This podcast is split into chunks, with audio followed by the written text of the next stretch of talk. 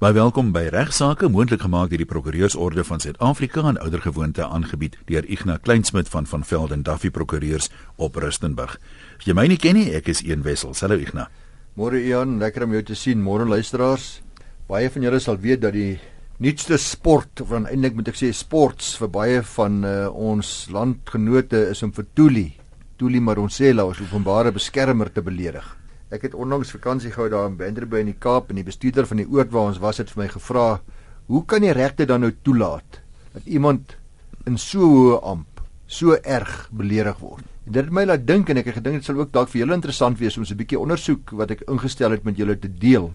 Parlementslede van die ANC het al opmerkings gemaak soos en ek haal aan, soos dit in die koerante gepubliseer is, Madonsela is a public protector who is populist in her orientation sometimes does not present the full picture to the public. Off. The public protector is a law unto herself and shows no respect for parliament. Off. The report by the public protector misled the country. It has misled the South Africans and tarnished the image of our government and the credibility of our government. Nou nog 'n gereelde beskuldiging is dat sy inmeng in die werk van die parlement en die skeiding van magte gereeld oorskry. Luisteraars, ek moet diegene wat die openbare beskermer wil beledig of belaster waarsku dat die openbare beskermers wetgewing, die wet wat daar magte daarstel en regte daarstel, dit baie duidelik maak dat geen persoon mag die openbare beskermer beledig eerstens of tweedens optree op 'n wyse wat minagting teenoor die ampt daarstel nie. Artikel 9 word mynsiens nogal gereeld oortree en maak die wet voorsiening, luister, vir 1 jaar gevangenisstraf vir oortreding van hierdie artikel. Ek vermoed egter dat die persone wie hierdie artikel oortree, dis die betrekking tot die belediging van die uh, van Tuli Maronsela, waarskynlik die saak na die konstitusionele hof sal verwys indien daar wel klagtes teen hulle gelê word. Uh, Voorspruitend uit die beweerde belediging. Die rede vir my standpunt is dat daar by my 'n vraagteken is oor die grondwetlikheid van hierdie artikel in die lig van die uitsprake wat daarna met vryheid van spraak. Jy sal onthou dat ons die saak hanteer het hier dat ons konstitusionele hof aangedui het selfs met betrekking tot regters hulle nie kan staat maak op dat hulle nooit gereduseer mag word of aangeval mag word of beledig mag word bloot omdat hulle persoonlike gevoelens ter sprake is nie. So daar is sulke uitsprake dit dat dat die die dit sou strydig wees met die reg op vryheid van uitdrukking indien ek myself op 'n aanvaarbare wyse uitdruk en nog steeds in daardie wyse 'n hoë profiel persoon dalk te nakom. Maar die tweede deel in die wet handel met minagting en dit dui aan dat daar minagting sal wees van die openbare beskermer indien 'n verklaring haar eerlikheid of integriteit bevraagteken of beweringe maak wat suggereer dat sy nie haar besluite gemaak het gebaseer op die reg en op die feite nie, maar op grond van ontoelaatbare faktore. Nou as jy hierdie artikel mooi interpreteer, glo ek dat sommige van die uitlatings gemaak deur sommige parlementslede wel minagting daar sal stel en dat dit in hierdie geval nie ongrondwettig sal wees in terme van vryheid van spraak nie. Soos jy weet is daar ook iets soos parlementêre privilegie. Kan lede van die parlement nie krimineel vervolg word vir dit wat in die parlement gesê word nie. Die bekende uh, Pierre de Vos van die Kaapstad Universiteit uh, wys dan ook op reël 66 van die nasionale vergaderingsreëls waar dit duidelik staan dat geen parlementslid mag reflekteer op bevoegdheid of eer van die openbare beskermer nie behalwe as daar 'n substantiëre mosie in die parlement is wat feite wat beweer wat as dit waar sou wees dat die mening van die spreker 'n besluit deur die parlement sou regverdig. Dit blyk dan ook dat die dinge wat in die parlement gesê word oor die openbare beskermer mynsins in strydig is met hierdie reël 66 van die parlement. Uh nou ja, is belangrik om te let daarop dat wanneer ons van die parlement praat, dit ook insluit uh Ian en luisteraars aan die reëls van die parlement is ook van toepassing op die komitees en hulle subkomitees waar die meeste van hierdie goeders hierdie dinge gesê word. Ironies genoeg, ek dink by die gemiddelde lid van die publiek is die openbare beskermer waarskynlik een van die staatsamptenare wat die meeste agting geniet geen by die onverskrokkenheid waarmee sy haar werk doen. Dis die persepsie in elk geval van baie mense. Geen twyfel dat daarbey baie groot deel van Suid-Afrikaners baie groot respek is vir die feit dat sy reguit is en dat sy vreesloos is en dat sy nie bang is om deur die politici gedomeineer of geïndoktrineer te word nie. En wanneer verstryk haar termyn of moet ek dit vra nie? Uh, ek is nie seker nie, maar uh, dit is nie meer te lank nie. Ek sy sy is net op 'n kontrak so vir 'n sekere termyn ja. aangestel. Dink jy sy gaan heraangestel word?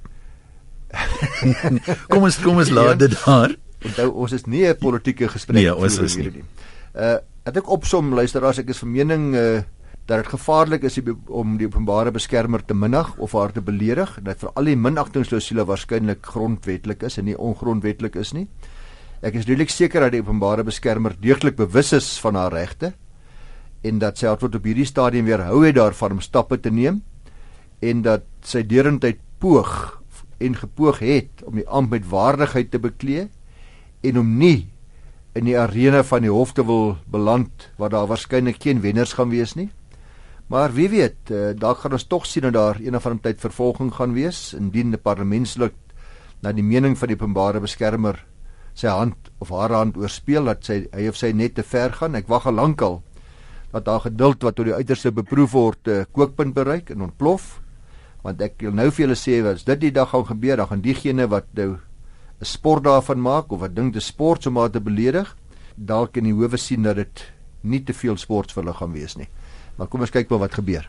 En die een ding wat mense natuurlik altyd moet onthou, daai frase die geskiedenis oordeel ons almal en veral mense in openbare posisies. Dit bring net net perspektief en dit bepaal hoe jy onthou gaan word vir die bydrae wat jy gemaak het.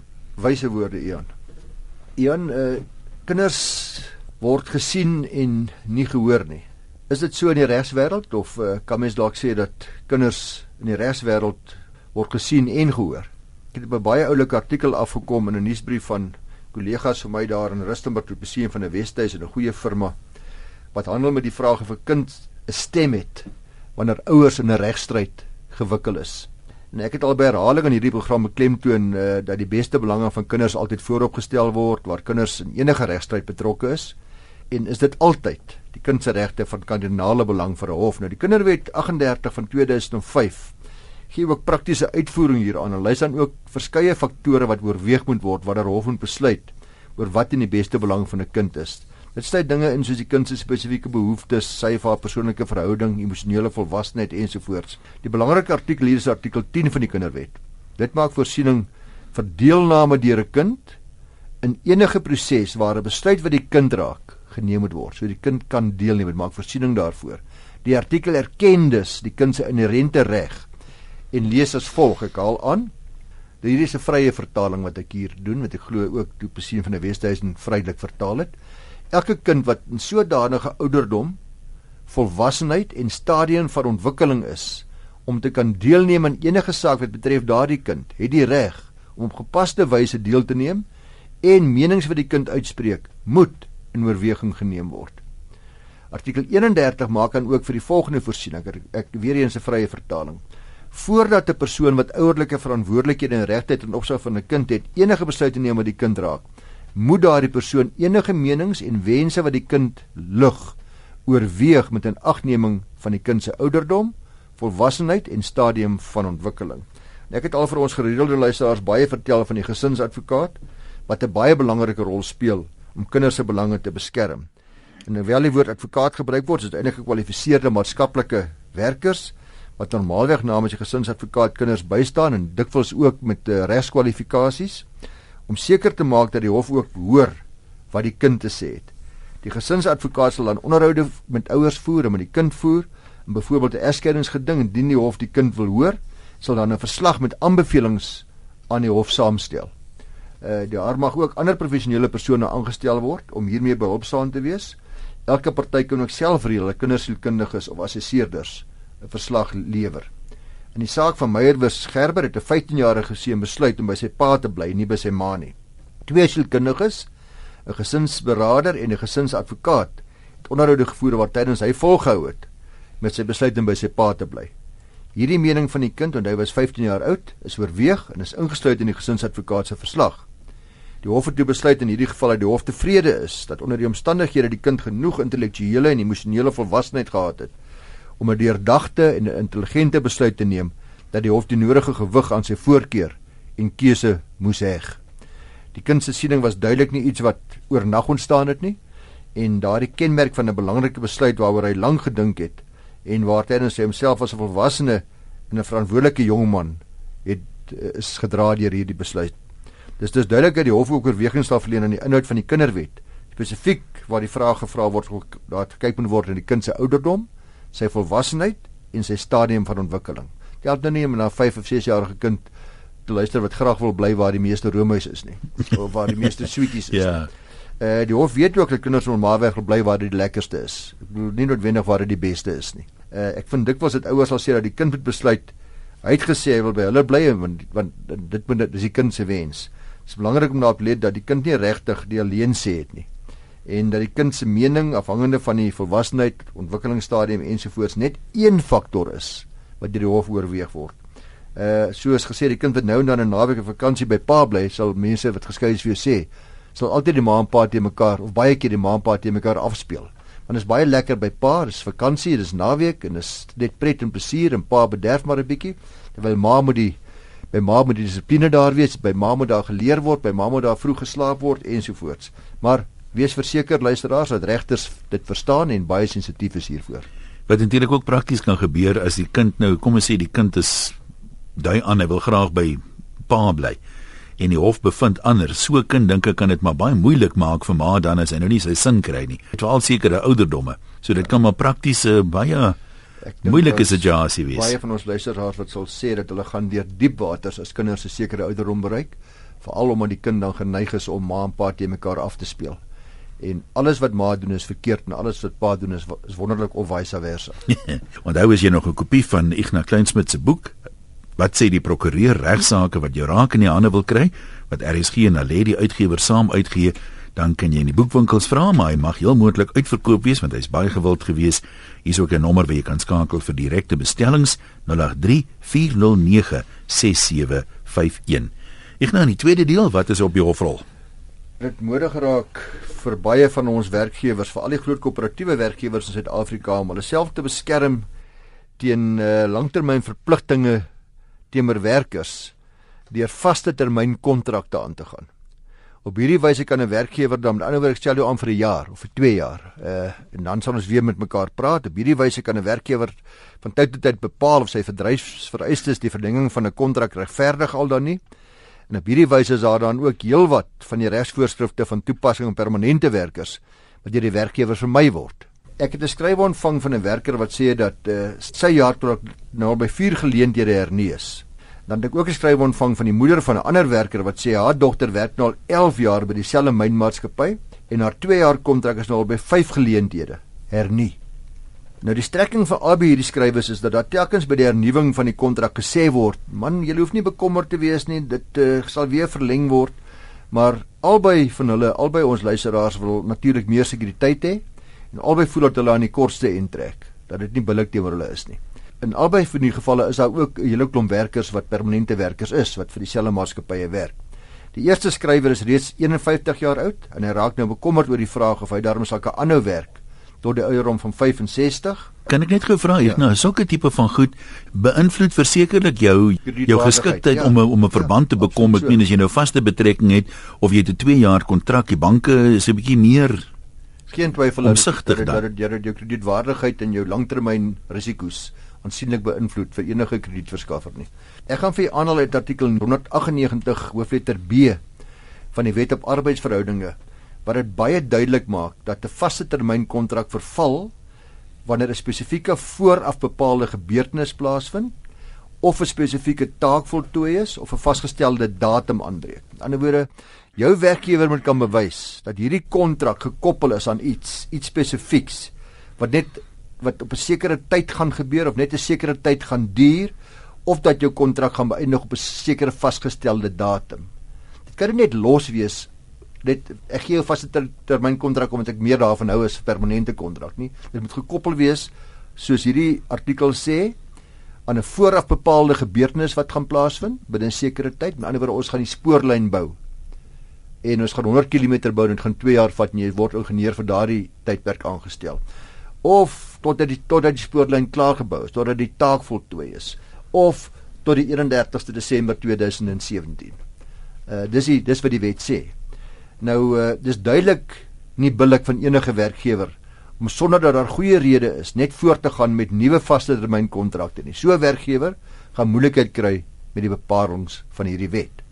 Die een voordeel wat al deur ons howe uitgespel is van 'n vaste termyn kontrak is dat jy daarmee voordeel het dat jy nie afgelê kan word deur jou werkgewer as deel van 'n afleggingsproses uh, gedurende hierdie tydperk van jou kontrak nie.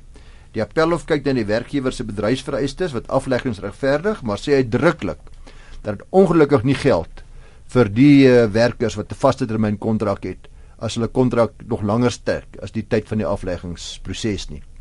Nou dan kyk dat twee ander artikels, uh, artikel 198 A en C van die Wet op Arbeidsverhouding. Ek het nou net vir u gesê wat B sê. Al drie hierdie artikels bied beskerming aan werknemers wat minder verdien as die drempelbedrag van R205.433.30 per jaar. Dis tans op die huidige uh, drempel. Sê maar R206.000 per jaar. Dit beteken as jy minder as so R17.000 per maand verdien, dan kan jy net op 'n vaste termyn kontrak aangestel word of herhaalde vaste termyn kontrakte as die aard van die werk vir bepaalde tydperk is en as daar regverdigbare rede is vir so vaste termyn kontrak. Jy mag ook nie minder gunstig behandel word as permanente werknemers in soortgelyke posisies nie. Want dikwels kwalifiseer jy dan nie vir byvoordele soos pensioenbydraes ja, van die maatskappy en so nie. Presies wat hierdie wet probeer verhoed. Ja. Hy sê jy mag nie minder gunstig behandel word. Hy praat nie van pensioen en byvoordele hmm. medies nie. Jy mag nie minder gunstig behandel word as jy onder daai drempel is van R205000, R17000 'n maand as enige ander permanente werknemers in soortgelyke poste nie.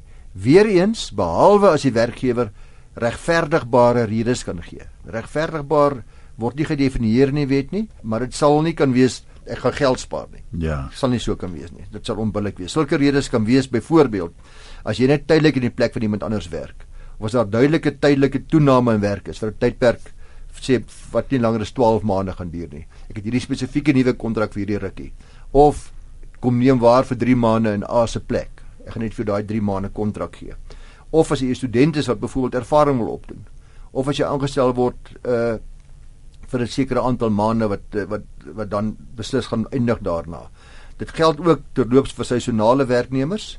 Let wel is egter nie van toepassing as jy meer as 205 000 rand per jaar verdien. Om op te som, gaan ek vir die twee luisteraars wat geskryf het met vrymoedigheid sê dat in hulle gevalle waar daar herhalende kontrak is sonder dat daar goeie redes bestaan. Die briewe sê nou nie presies wat die redes is nie, maar as daar geen goeie redes bestaan daarvoor nie, hulle sal kan aandring dat hulle nou as permanente werknemers beskou word en glo ek het geen twyfel dat in hulle gevalle die eis suksesvol sal wees by die KVBA nie, die kommissie vir uh, versoening, bemiddeling en arbitrasie nie.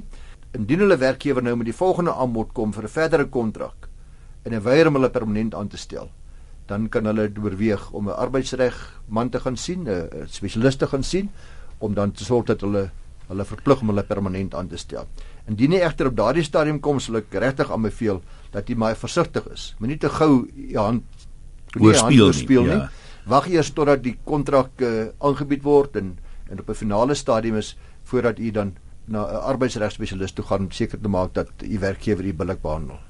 Net uh, eh, vraagie daaroor. Uh, is dit reg dat as 'n mens nou as as uitgangspunt aanvaar dat hoe meer kere jou vaste termyn kontrak hernu is, hoe beter is die kans dat jy kan aanspraak maak op die status van 'n permanente werknemer. Ja. As dit na 5 keer byvoorbeeld, hulle sê ook ons is nou klaar, ons gaan nie nou hernu nie. Ja. Sê jy dan 'n sterker been neem op te staan as na net een keer byvoorbeeld. Ek dink beslis so behalwe die die argumente, die beginsel sal presies dieselfde wees.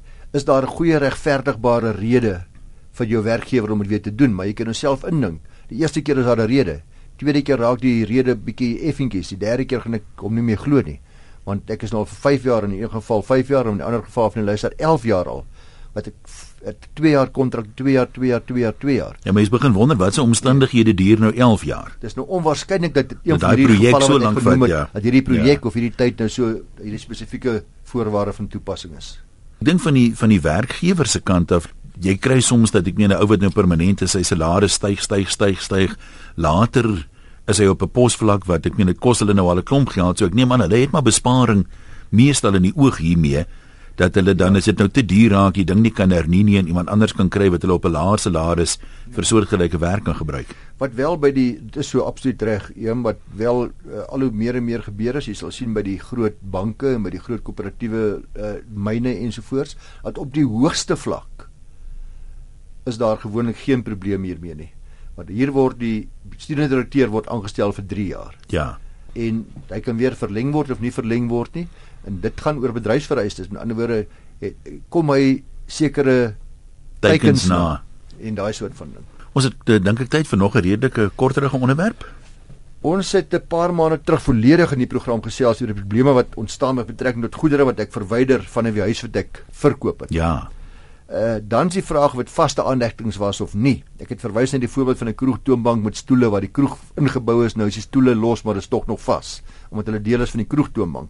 Ek het 'n klomp voorbeelde genoem, maar ongelukkig Ion vergeet om te verwys na die kwessie of meer te sê oor die kwessie van 'n TV antenna. En uh, ek het nou 'n hele paar skrywers ontvang wat sê nou wat nou van 'n TV antenna? Want dis dit is eintlik die ding wat die meeste kere probleme is. Ja, jy kan die skottel goed saamvat, maar bly die skottel. Ja. Ja. Nou die algemene reël is luisteraars net om u geheue te verfris dat daar gekyk moet word na die aard van dit wat deel vorm van my huis en besonder ook hoe dit fisies geheg is aan die huis. So die belangrikste van alles is die vraag of die bedoeling was dat dit permanent deel van die huis moet wees al dan nie. Nou as ons hierdie toets toepas, is dit duidelik dat by verreweg die meerderheidsgevalle die antenne of satellietskottel baie maklik verwyder kan word. Dat dit gewoonlik nie vasgeheg is op so 'n wyse dat die bedoeling afgelei kan word dat dit permanent daar moet bly nie. Uh dis ook deel van die dekodeerder wat duidelik 'n roerende saak is en wat nie vas is nie en ek is van mening dat die persone wat 'n satellietskottel verwyder wanneer hulle hulle huis verkoop uh geregtig is om dit te doen. Dat daar geen probleem daarmee is nie. Maar ek wil tog maar weer herhaal dat indien jy wil hê dat die hele stelsel, die kodeerder en skottel ensovoorts in die huis moet bly, jy dit vooraf met die verkoper moet ooreenkom en dan moet dit deel wees van die kontrak. Dis baie beter om oor alle moontlike goedere waaroor daar twyfel bestaan, liewers te kontrakteer sodat daar sekerheid en duidelikheid vir albei vir albei partye is en 'n uh, so behoorlike beskrywing in die koopkontrak deur die prokureur of die agent sal baie latere trane en die regskoste voorkom. Ek het toevallig 'n bietjie praktiese ondervinding daarvan as huurder waar ek vir die verhuurder gesê het ek gaan nou DStv installeer, maar as my huurkontrak verstryk en ek trek van ek die skottel saam. En toe dit wel gebeur, toe hy my uitbetaal vir die koste, hy sê toe man, ek wil dit nou daar hou vir die nuwe huurder en hy het my die installasiekoste en en goed dit hy toe nou uitbetaal. Ja. Ehm uh, want ek meen dis vir hom meer van 'n slep om nou 'n nuwe een te installeer as om dit te behou. Ek sê dit net 'n illustrasie van as 'n mens 90% van hierdie probleme kan voorkom word as 'n ou vooruit kommunikeer en sê as dit gebeur onthou net dis wat ek hiermee bedoel of dis hoe ons gaan maak. Maar dis soeke wyse woorde eer want dis presies die advies wat gegee word aan mense wat uh, wat beklei hier oor sê weet jy dit is soveel makliker as geen installasiekoste wat gaan 'n nuwe skottel jou kos by jou nuwe plek kryf my die uh, kwotasie en ek sal dit betaal maar hou die een wat hier is. Hy ja. werk klaar, hy's lekker ingestel en alles is reg. Ons net uh, miskien weer sê ek kry nog steeds gereeld briewe en ek neem aan jy ook Ignas van mense wat uh, in groot notas wat sê jy weet die balje klop aan die deur of hulle wil nou dit doen of ons word rot en kaal besteel. Wat is Ignas se telefoonnommer dat hy kan help? Dis nie dat hy nie wil help nie, maar uh, die doel van die program is om um, luisteraars te bemagtig en in te lig oor allerlei regsaangeleenthede dikwels is voorsorg beter as nasorg. So ons gebruik jou brief om raad te gee dikwels in die algemeen of 'n bietjie weier is dit. En 'n mens moet dan ook nou redelik billik en regverdig wees. Igna kan nie gratis die advies wat ons hier gee is gratis maar ek kan nie gratis as prokureur toetree tot die stryd te namens jou mense dagvaar of jou verdedig of briewe skryf of al hierdie tipe van dinge nie. En die standaard advies in die geval is maar Ignas sit nou op Rustenburg as jy nou op 'n ander dorp is is dit uh, gewoonlik beter om 'n plaaslike prokureur te nader wat uh, dieselfde kwalifikasies het en uh, heel waarskynlik dieselfde raad sal gee maar wat dan in 'n posisie is om prakties betrokke te raak by jou geskil. Baie dankie Jan, dis uh, goed dat jy dit weer noem. Ek kry nog steeds lang uitgerekte briewe wat mense baie moet doen en vir alles hulle reeds prokureur sit. Soveel te meer, is daar geen manier wat ek hulle kan of gaan help nie. Maar as jy wel jou feite stel vir ons wil stuur soos baie mense doen of wil raad vra oor een of ander kwessie, dan kan jy direk vir Ignas skryf. Sy adres is igna i g n a by ffd.co.za.